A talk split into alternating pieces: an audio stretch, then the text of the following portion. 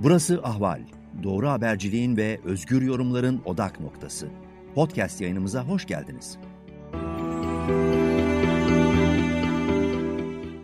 İyi haftalar. Ekonomi gündemine hoş geldiniz. Ben Güldem Atabay, Eser Karakaş'la beraberiz. Eser Hocam hoş geldiniz. Nasılsınız? Teşekkür ederim Güldem. Sen nasılsın? Ne var ne yok? İyiyim iyiyim. Ben de teşekkür ederim.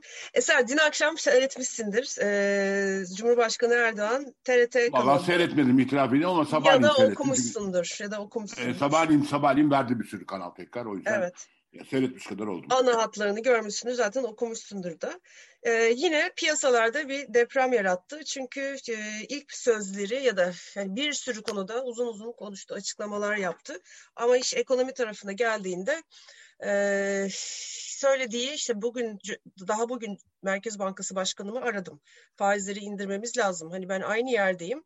İşte Temmuz Ağustos gibi imkan olunca e, inecek gibi mealinde bir laf etti.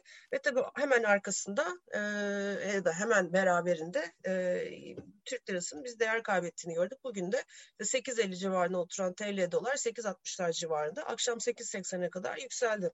Ya aslında hani ekonomik veriler daha önemli. Büyüme açıklandı, PMI açıklandı. İşte bugün Mayıs ayı Ticaret Bakanı açıkladı, dış ticaret verileri var e, vesaire vesaire. Ama hani bunu da konuşmamız gerekiyor sanıyorum. Cumhurbaşkanı neden bunu bu şekilde yapıyor sence? Burada bu denenmiş, denen yanıldığı kanıtlanmış, e, faizin enflasyonun sebebi olmadığı, faiz indirerek bir yere varılamadığı, aksine böyle bir dönemde kontrolünü kaybedildiği, hatta Ağbal'ın döneminde faiz artmasıyla, şimdi ilk çeyrek büyümesine de geleceğiz, TL'de ortaya çıkan istikrarın e, büyümeye alan yarattığı ortada veri.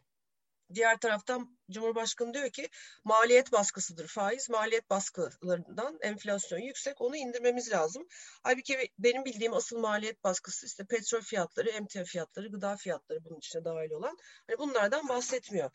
Cumhurbaşkanı ekonomiden mi anlamıyor yoksa Cumhurbaşkanı ne yapmaya çalışıyor acaba diye sana hani içinden çıkılamayacak bir tavuk mu yumurta yumurta mı tavuk sorusu sorayım.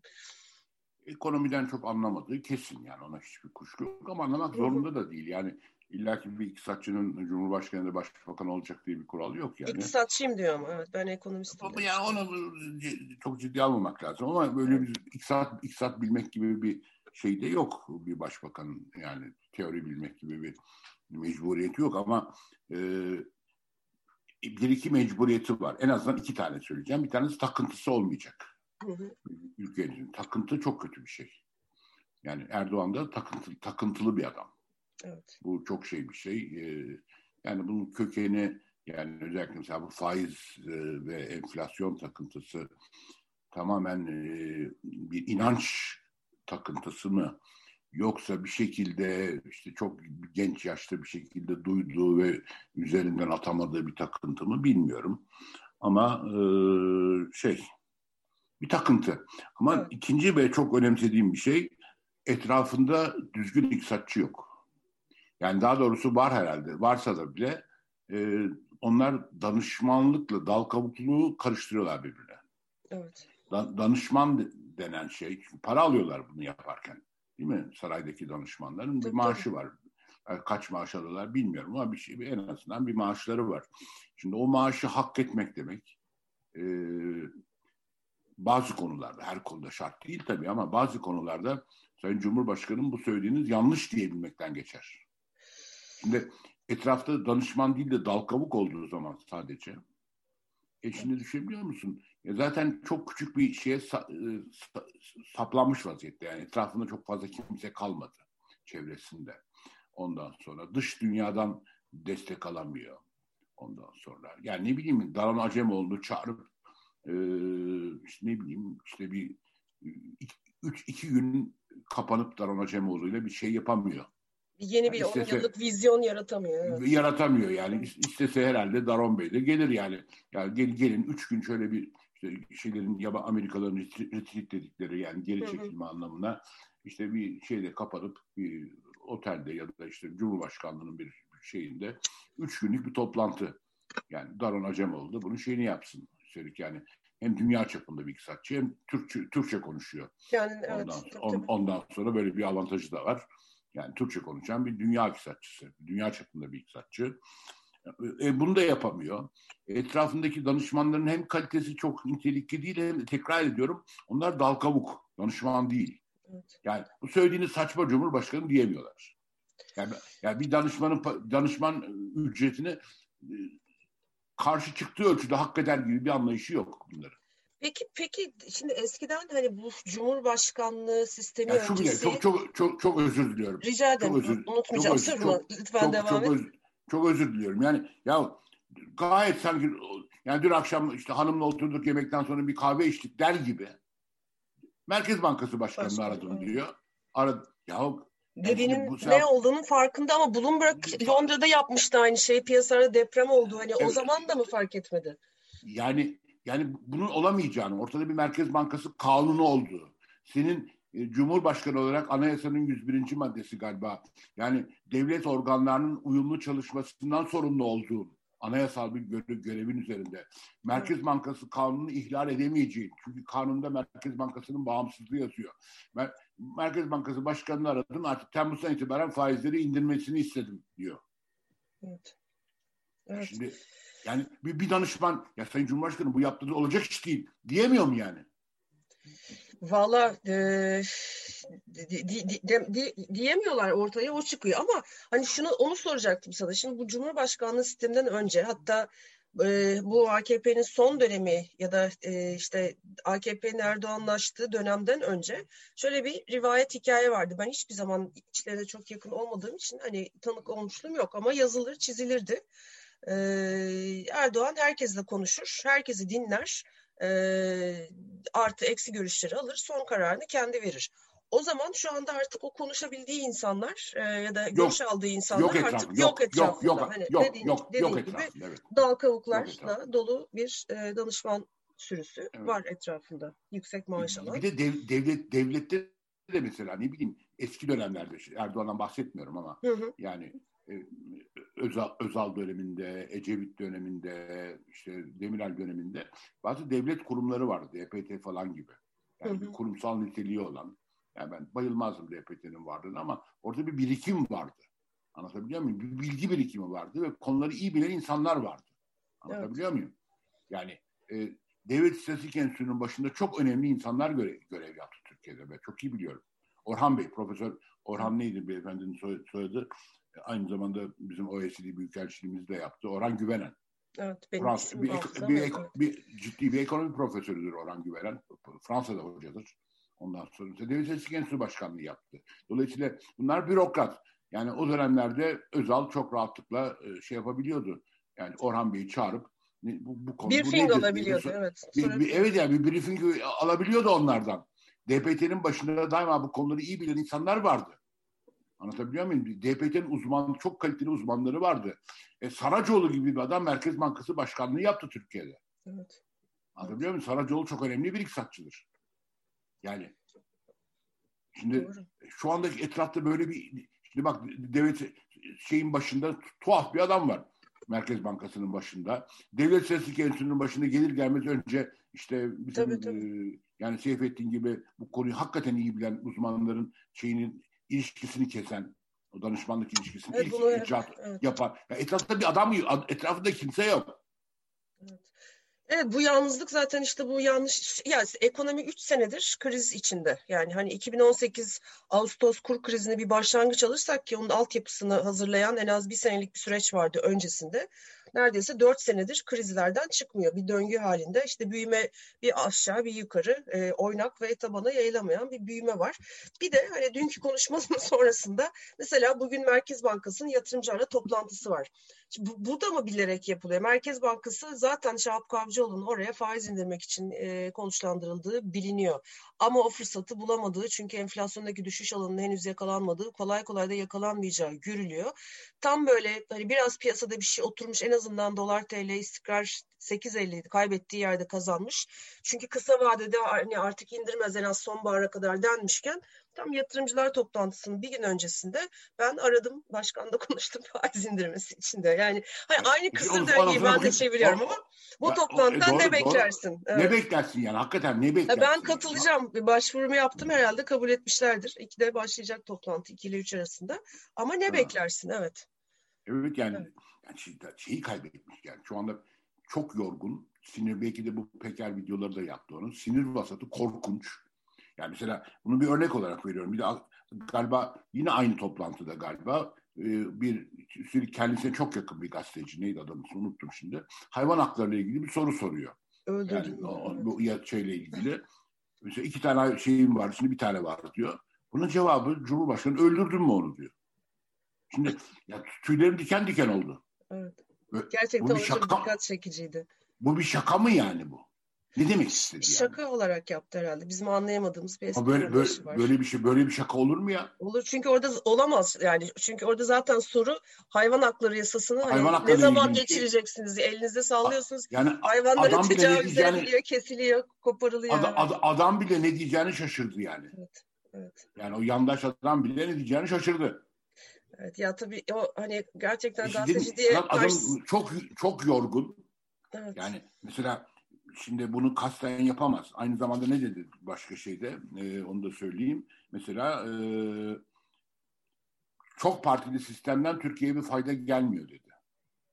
Bak ne, o söylemek istediği yerle parlamenter sistemde bir Türkiye'ye fayda gelmiyor demek istiyor galiba. Ama ağzından ne diyor? Hani bu biraz da e, Freudian e, Türk insan şeyi. Slip, evet, kayma, evet. E, yani anlatabiliyor muyum? Yani Fransa çok güzel bir tabir vardır. Lapsus revelatör diye yani. içini dışa vuran e, lapsus yani Türkçe lisan. E, çok partili sistemle Türkiye yönetilmiyor de, demeye getirdi. Evet. Dedi yani bunu ağzından çıktı. Dedi dedi evet, evet tek tek evet yani. Hatta ondan sonra, ondan sonra şimdi Dev çok yorgun. Babacan da yazmış kaç parti istiyorsunuz tam olarak Sayın Cumhurbaşkanı. Ay, evet evet yani çok yorgun. Sinirleri çok bozuk. Üstelik o yorgunluğu ve o sinir bozukluğunu taşıyabilecek bir şey de yok. Formasyonu yok. Evet. Anlatabiliyor muyum? Ya bir de şey de çok ilginç değil miydi? Hani o, bunun yanında parlament şimdi parlamenter sistem ya da partiler işte konuya girip açarken orada bir neden sonuç ilişkisi de kuramadı. Çünkü ya yok böyle bir formasyonu biz, yok evet, ya. AKP'ye oy verdiler. Biz tek parti tek parti gittik ama sonuçta halk bunun böyle olmadığını görüp bize hani Cumhurbaşkanlığı sistemi destek verdi. Ama sen zaten tek parti tek parti yönetmişsin. Hani halk neyinden memnuniyetsiz olup öyle bir sinyal vermiş. Yani o bile yok içinde. Neyse. Bir de şey çok ilginç. Şimdi olmayınca o zaman mutlaka etrafında çok iyi danışmanların olacak. Evet. O danışmanlara güveneceksin. Yorgunluk olunca evet en azından öyle konuşacaksın. Evet. evet bir de evet. şey ilginçti. Hani 14 Haziran'da böyle kendisinin de söylediği kritik NATO toplantısı var. İlişkilerimizin değişeceği zemin olarak ilan ettiği. E, toplantı öncesinde bayağı ağır konuştu aslında e, Biden hükümeti için. Hani orada da herhalde beklentisini alamayacağının öfkelerin üzüntüsünden bir tanesi de sanıyorum e, o tarafa da yansımış kendini. durumda. Tut, tutamıyor da kendini. Bak şimdi e, düne kadar kaç nasıl bir dengedeydi dolar aşağı yukarı? 8.50'de miydi? 8'e yani 35'lerden 50'ye yavaş yavaş geldi. Enflasyonla şey evet. 50 diyelim bak yine. Avans veriyorum yani evet. Erdoğan'a. evet. Avans veriyorum Erdoğan'a. Şimdi hangi dengeye oturdu? Şu anda 8.60. Evet. 10 kuruş. 10 kuruşluk bir şey. Türkiye 450 milyar dolar. 450 milyar dolar dış borcu 10 kuruşla şöyle bir şey yap ne çıkıyor ortaya? E işte bayağı kötü bir rakam çıkıyor. 45 milyar dolarlık aşağı yukarı dolar. bir Maliyet arttı. Yük arttı evet, reel sektör. Evet, yük arttı. Yük arttı. Yük, maliyet değil, yük arttı. Evet. Yük arttı. Maliyet, Borç yük arttı. arttı. Borç yükü 45 milyar dolar. Ya şimdi bir dakika yani sen böyle bir özgürlüğün yok senin. Anlatabiliyor muyum? Yok tabii. 45 milyar dolar şey yani, ona, yani yok böyle bir özgürlüğün. Ya normal şartlarda hani asgari şartlar olsa bu mesela biz nasıl işte şu anda seninle şey konuşamayız. İşte bankacılık sistemi üzerinden böyle konuşurken şu banka işte batık durumda bu banka bilmem ne diye bir spekülasyon hatta manipülasyon yaparsan suçtur bu. Şimdi Türkiye ekonomisinin hani bir anda faiz böyle bir kanunu varken e, faizlere müdahale edemeyeceğine dair bir kanunu varken ben başkanımı aradım deyip işte evet. kurda bu şekilde yükseltmenin de bir e, kanuni o, o karşılığı şey olması fakat, lazım. Ama o da rahatsız bir şey. Yani yani ne bileyim mesela benim başkanım, benim bakanımı aradım. Başkanımı aradım. Her şey. Yani evet bu, benim. Bu, bu, bu, bu, bu psikolojik bir şeylik diye gösteriyor yani. Alt, evet, başkanım. Sorun evet. Sorun ne gösteriyor yani. Türkiye'de bunu yapan çok vardır şirket sahipleri bile hani e, ben şeyi çok bilirim ekonomistimle görüşeyim falan diye. Tamam böyle. ama ya o o şirketse yapar bana ne yani ama bu, Evet, bu kamusal bir şey. evet. Bu, bu kamusal bir şey yani. Ha, tabii o şirket sahibinin yaptığı da hırtlıktır ama yani bu kamusal bir şey. Bu Burada müthiş sorumlu davranmak zorundasın. Evet. Sonuç olarak senin ağzından çıkan her şey vergi mükellefinin üzerine bir yük olarak geliyor. Tabii tabii. Orada şirket patronunun ağzından çıkan bir şey sonuç olarak hissedarlara belki bir anonim şirketse yük olarak geliyor. Tabii gelmiyor. Ge- Anlatabiliyor Gelir tabii. Ya hatta işte borç borç öde borç arttıkça işsizlik olarak geliyor. İnsanlar kaynaklarını tabii. borç ödüyorlar, yeni eleman almıyorlar vesaire vesaire. Yani ekonomiyi çok katmanlı bir şekilde etkiliyor bu TL'nin değeri. Yani ben böyle yaptım. Böyle var, var mı böyle bir şey? Ya üstelik dediğim gibi evet, sinirleri çok bozuk. Ben buna şey yapıyorum yani. Evet. Ben ondan sonra. Evet. Yani. Gelelim büyüme Şimdi ne olacak şimdi? Şimdi Ha, sen şey şeyi, şeyi düşünüyorum şimdi. ilk PPK toplantısına gir, girişte 17 Haziran. 17 Haziran e, şeydeki üstelik Biden zirvesinden hemen sonra piyasalardaki gerginliğe bak yani şimdi. Tabii. Artık Ama dedi ya. şimdi Temmuz Ağustos dedi. Dedi tabii canım hani dedi hakikaten ben de dün isyan ettim. Yani indirin yarın faizi. Hani herkes kurtulsun ne olduğunu görelim. Evet, Ki gördük evet. aslında hani o da çözüm değil. Hani kaç defa gördük. Hani denedik yanıldık. Denedik yanıldık. En az iki sefer. E şimdi üçüncüyü yapmanın ne alemi var? Enflasyon buradayken. İşte Şey, dünyayı güzel bir- okuyamamakla ilgili. Kimi? sen görmüşsündür muhtemelen. Yani görmemişsen de bir öneri herkese de. Koç Üniversitesi'nde bir hanımefendi var. Çok- Hoca'nın evet. Evet çok güzel Çok bir yazısı. güzel var. bir yazı yazmış. Evet. Çok güzel, çok güzel bir yazısını Yetkin okudum. Report'ta yazmış. Ben de Evet, gördüm. yetkin, yetkin Report'ta okudum ben de sabahleyin. Çok güzel bir yazı. Herkese tavsiye ederim yani. Evet. Çok çok düzgün bir yazı yazmış. Yani mesela neden e, şey, neydi hanımefendinin söyledi? Selva şey, De- Demiralp. Demirel pardon. Evet. Yani mesela e, mesela Selva Hanım'la niye bir dirsek teması kurmuyor? Evet. Mesela Selva Hanım şeyi harika anlatıyordu. Ee, yani faizle enflasyon böyle cahil gözüyle baktığın zaman ikisi de aynı yönde hareket ediyormuş gibi gözüküyor mesela. Şeyin yükseldiği zaman e, enflasyonun faizler de yukarıda oluyor. Ama diyor ki çok güzel anlatıyordu kadın. Evet. Onun nedeni faizler yüzünden yükselmiyor diyor. Yani bu bir Evet, nedensellik evet çok bağını güzel ku- yazı. ku- Evet. evet. ne- neden- nedensellik bağını kuramıyor Erdoğan kafasında. Anlatabiliyor muyum? Evet. Bayağı bir dinlemesi lazım ama işte kendi aklıyla ya da işte başka bir şeylerin aklıyla devam ediyor yola ve ama hata yaptığını da artık görmüyor olamaz yani. Ekonomi bir öyle bir öyle savruluyor yani. Hani o kadar o kadar o kadar da değil ya. Olmamalı ya da ama işte görüyoruz o kadar aslında. E şimdi artık bundan sonra önümüzdeki dönemde faizlerin e, yükseleceğine dair herhangi bir beklenti kalmıyor galiba değil mi? Kalmadı herhalde. Ya En beklenti yoktu ama şöyle bir kurgu vardı. Hani indirmeyi denerlerse arkasından zaten faiz arttırmak zorunda kalacaklar. O bir, kalacaklar bir, diye. bir eksende. Öyle. Bir de hani zaten indiremeyeceği gibi hani dış, dışarıdan gelen işte FED dalgası, ABD enflasyonu, Avrupa enflasyonu Peki ne olacak şimdi? Mesela şimdi arttırmak kim- zorunda kalacak. Kimse Sayın Cumhurbaşkanı sormuyor mu şimdi? ABD ekonomisi beklenenden daha çabuk toparlanıyor. Evet. Şeyler öyle gösteriyor. Tabii dün PMI 62'ye 62 küsur geldi ABD'de. Evet. İnanılmaz bir şey. Şimdi, şimdi e, burada da böyle bir şey var, bu adeti var. Öyle öyle saatlerinde bilmiyorum ses geliyor mu? Bir tatbikat yapılıyor. Çok arkadan geliyor böyle bir Evet, İki Dünya çok- Savaşı sesi gibi. Evet evet gibi. İkinci Dünya Savaşı sanki uçaklar Al- Al- Alman uçakları Alman tepede, dumanı başlıyor gibi. tepedeymiş evet. gibi bir ta- bu bir çeşit bir tatbikat. Böyle haftada bir kere falan 12'de yapılıyor. Nedir bilmiyorum. Neyse. biz de ona denk geldik. Neyse çok duyulmuyor Evet. arka plan boşver. Ondan sonra hangi gün yapılacağını bilmediğim için böyle 10 günde bir falan yapıyorlar ama hep 12'de yapıyorlar onu biliyorum. Ondan saat tam 12 şimdi evet. Ondan sonra.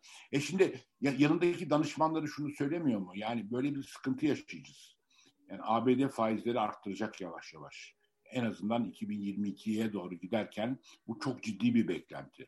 Bu Türkiye'den para çıkışına neden olacak. Bu dolayısıyla biz bir de bu ortamda faizleri indirirsek Sermaye, gelmeyen sermaye iyice kaçacak. i- iyice Yerli Yani- bütün ma- mal varlığı iyice dolar almaya başlayacak. Tekrar Tabii, e, dolarizasyon tabii. artacak. E tabii, tabii. Yani, Ya bir, bir de şey çok ilginç değil miydi? 128 milyarı soramazsınız hani. Evet sorama. Yani, hayır, şey, bak, e, ya dediğim gibi ortada Mutlak çok ciddi otorite bir, evet. bir standart sorunu var. Bu Merkez Bankası'nın dövizi. Bununla sen Ayrıca. kamu harcaması yapamazsın. bir de o hani... Dep, depremde harcadık diyor. Yani nereye harcıyorsun? Deprem bütçe, oraya bütçeden harcayacaksın. Evet, 128 har- milyar doların onunla ne alakası var? Aslında öyle de oldu yani 128 milyar dolar depreme gitmedi yani o piyasayı Gidemez zaten. kontrol Gidemez etmek yani zaten. kontrol etmek için gelen aldı giden sattı hani öyle gitti zaten oraya gitmedi hani bunu bilmiyor Gidemez olamaz. zaten ama Gidemez ne diyor de- depremde harcadık depreme harcadık diyor. Evet. Allah Allah. Yani yanında bir kişi yok mu Sayın Cumhurbaşkanım bunlar farklı şeyler. Biri bütçe biri Merkez Bankası. Onun kaynağını orada kullanamazsın diyemiyor mu? Evet. Diyemiyor işte diyemiyor demek ki.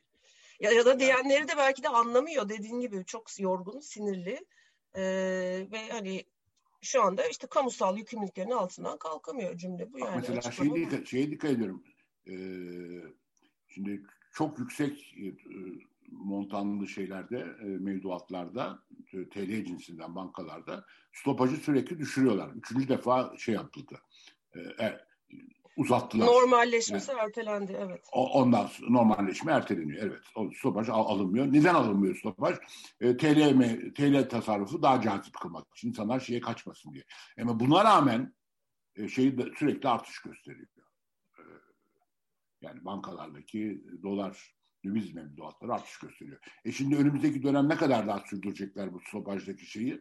Hele hele bu işte şeyde Amerika'daki olaylar yavaş yavaş şey yapmaya başlayınca bu, bu da mümkün değil. O da mümkün değil tabii ve yani hani TL, TL'den kaçışı durdurmanın bir yolu olması lazım. Bunun ne olduğunu anlatamıyorlar şeye yani. Önce bir güven ortamı yaratacaksın. Risk, riski düşüreceksin evet. Riski, düşüreceksin. riski düşeceksin ya bu kadar basit.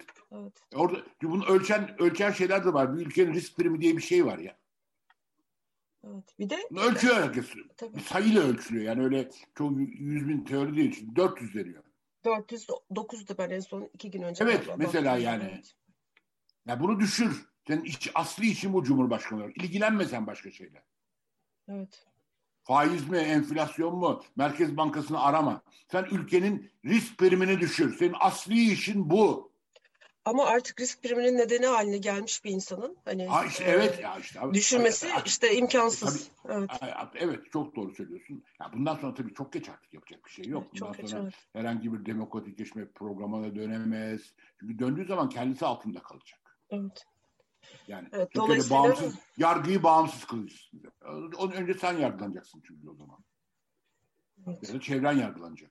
Yani Tabii, Cumhurbaşkanı olarak dokunulmazlığım var. Yani oraya kadar bile gitmesi gerekmiyor yani zaten hani işte son videolar bunların bir araştırması, bir soruşturması, bir koşturması olması lazım ki hani etrafta kimlerin ne yaptığı ortaya çıksın. En azından bir temiz bir temizlenme çabası bile olsa güven arttırıcı bir faktör olarak yansır buraya. Yani işte onu mesela bile Korkut Eken'in adı geçiyor mesela Kıbrıs'taki cinayetle ilgili. Ee, şeyin Sedat Peker'in kardeşini çağırdılar tekrar ifadeye. E niye Korkut Eken'i gel bir de, bir, bir de senin ifadeni alalım diyemiyor kimse. Diyemiyorlar evet diyemiyorlar. Diyemiyorlar resmen. Evet. Ama ya araştırma başlatıldı herhalde diyecekler artık.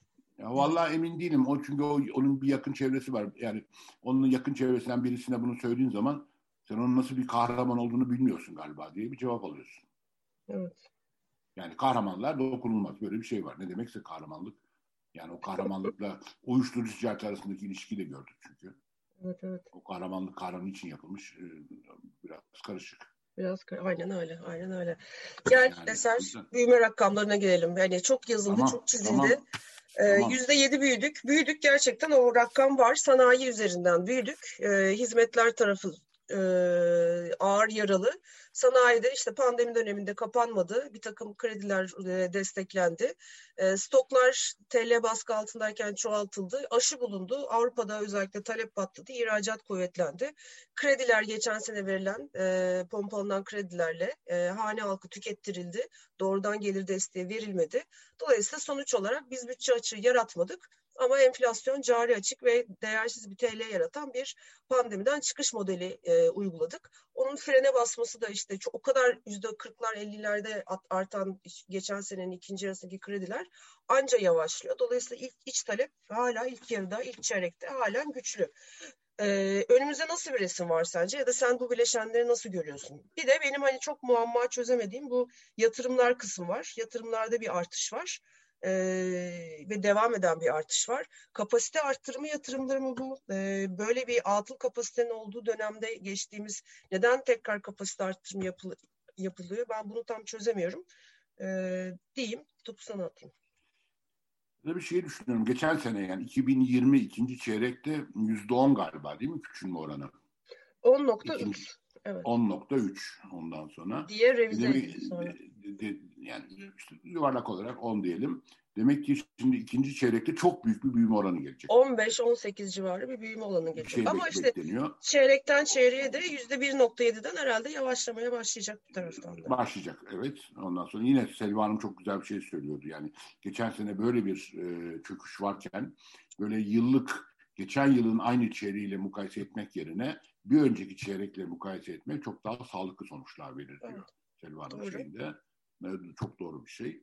Ama sonuç olarak bir de şöyle bir şey var. Şimdi bütün OECD açıkladı, e, Avrupa Birliği açıkladı tekrar. Yani Avrupa Birliği Komisyonu 2021 ile ilgili büyüme tahminlerini açıkladı. Türkiye ne kadar büyüyecek 2021'de? O nedir bir şey beklenti? Valla çok rahat 6-6,5 civarı büyüyecek gibi gözüküyor. Sadece bu yıllık yıldan yıla bakılan işte ikinci çeyrekte çift tane büyümesi sayesinde e, o şekilde bir yere zaten varıyor. E şimdi Avrupa Birliği Komisyonu'nun rakamları var. OECD'nin rakamları aşağı yukarı birbirlerine çok yakınlar zaten. Ben evet. sana söyleyeyim mesela. Yani altı buçuk desem Türkiye'ye iyimser. Altı diyelim yani. Yuvarlak bir şey yapıyorum. Hı. Mesela dünya 5.8 büyüyecek bekleniyor. 2021'de dünya ekonomisi evet. 5.8. Demek dünya ekonomisinden daha farklı. Çok yüksek. Ki baz, baz etki, etkisi e, evet, orada da var evet, tabii ki. O, tabii tabii. Ondan sonra e, Fransa e, Fransa 6.8 büyüyecek. Ama tabii şey de yok mesela bunların geçen sene büyümeleri hep ekside olan yerler. Biz yine geçen sene e, her şeye evet. rağmen artı 1.8 ile e, tamamladık. Fransa eksi 1 büyüdü aşağı yukarı. Evet doğru o da çok Şimdi 6.8 geliyor. Ee, İngiltere 7.2 büyüyecek. Evet. 2020'de yani bu hem OECD'nin hem e, Avrupa Birliği'nin beklentisi. Amerika 6.9 büyüyecek. Yani e, Türkiye'de 6-6.5'luk bir büyüme beklentisi çok de bir şey değil, evet. dünya şeylerinden çok kopuk değil. Yani anlatabiliyor muyum? Evet. Yani e, dolayısıyla yine en yüksek büyüyecek 8.5'da Çin gözüküyor ama yani Çin'in istatistikleri konusunda benim her, her zaman bir şeyim olduğu için onu çok fazla şey yapmıyorum. Ee, ne derler, bir gösterge olarak almama eğilimindeyim. Ama en azından Türkiye'de herhalde 2020'de işte dünya standartlarının çok uzağına düşmeyecek en azından. Evet. Yani büyüme oranı olarak. Ama dediğim gibi ama 2022'de ne olacak orası gerçekten çok karışık. Ya orada da şeye bakarsak işte çeyreksel bazda büyümenin e, ana trend olduğuna bakarsak herhalde işte 1.7 e, 1 e, vesaire gibi gittiği zaman hani seneye de nüfusa da bakarsan 3-3,5 civarında bir büyüme doğal ve potansiyelin evet. altında bir büyüme olacak gibi gözüküyor. Evet, evet, evet. Ve o döngüden hani o kısır döngüden sonra nasıl çıkılacağı da sorunlu olacak. Bir de yani belki daha bile düşük olabilir çünkü altı buçukluk bir büyüme gibi bir rakamın üstüne geliyor olacak. Yani Onda da bazı bulma, olacak. Kaynak bulması lazım. Yani evet. hep aynı şeyi söylüyoruz. Bu kaynak bulmak için de hukuk sistemini e, düzeltmesi lazım. Bir de eğitimi düzeltmesi lazım. Yani bu iki sorun e, şey evet. ne derler? E, ondan sonra. Ya artık sistemin de değiştirmesi lazım mesela ya. Yani bu işte Cumhurbaşkanlığı. E tabii tabii tabii tabii, yani. tabii tabii. Hani hukuk dediğim zaman onu da Hukuk dediğim o da o da giriyor işin tabii, içine tabii, yani. O da, giriyor. O hani güçler ayrılığı lazım burada. Tabii, ortak tabii, akıl tabii, lazım tabii. burada. O da anayasa hukukunu değiştirmesi lazım yani. O da evet, hukukun bir parça evet, en önemli parçası evet, belki. Evet. Anayasa hukukunu değiştirmesi lazım Türkiye'nin. Evet. Yani bu şeyle e, ya ben itiraf ediyorum. Ben şeylerimi her zaman söylüyorum yani ilk başkanlık şeyi atıldığı zaman ortaya 2013-14'lerde yani başkanlık sistemi konuşulduğu zaman ya diyordum yani eğer düzgün uygulanırsa e, yani Türkiye parlamenter sistemden ne büyük korkunç hatalar yaptık yani parlamenter sistem içinde de.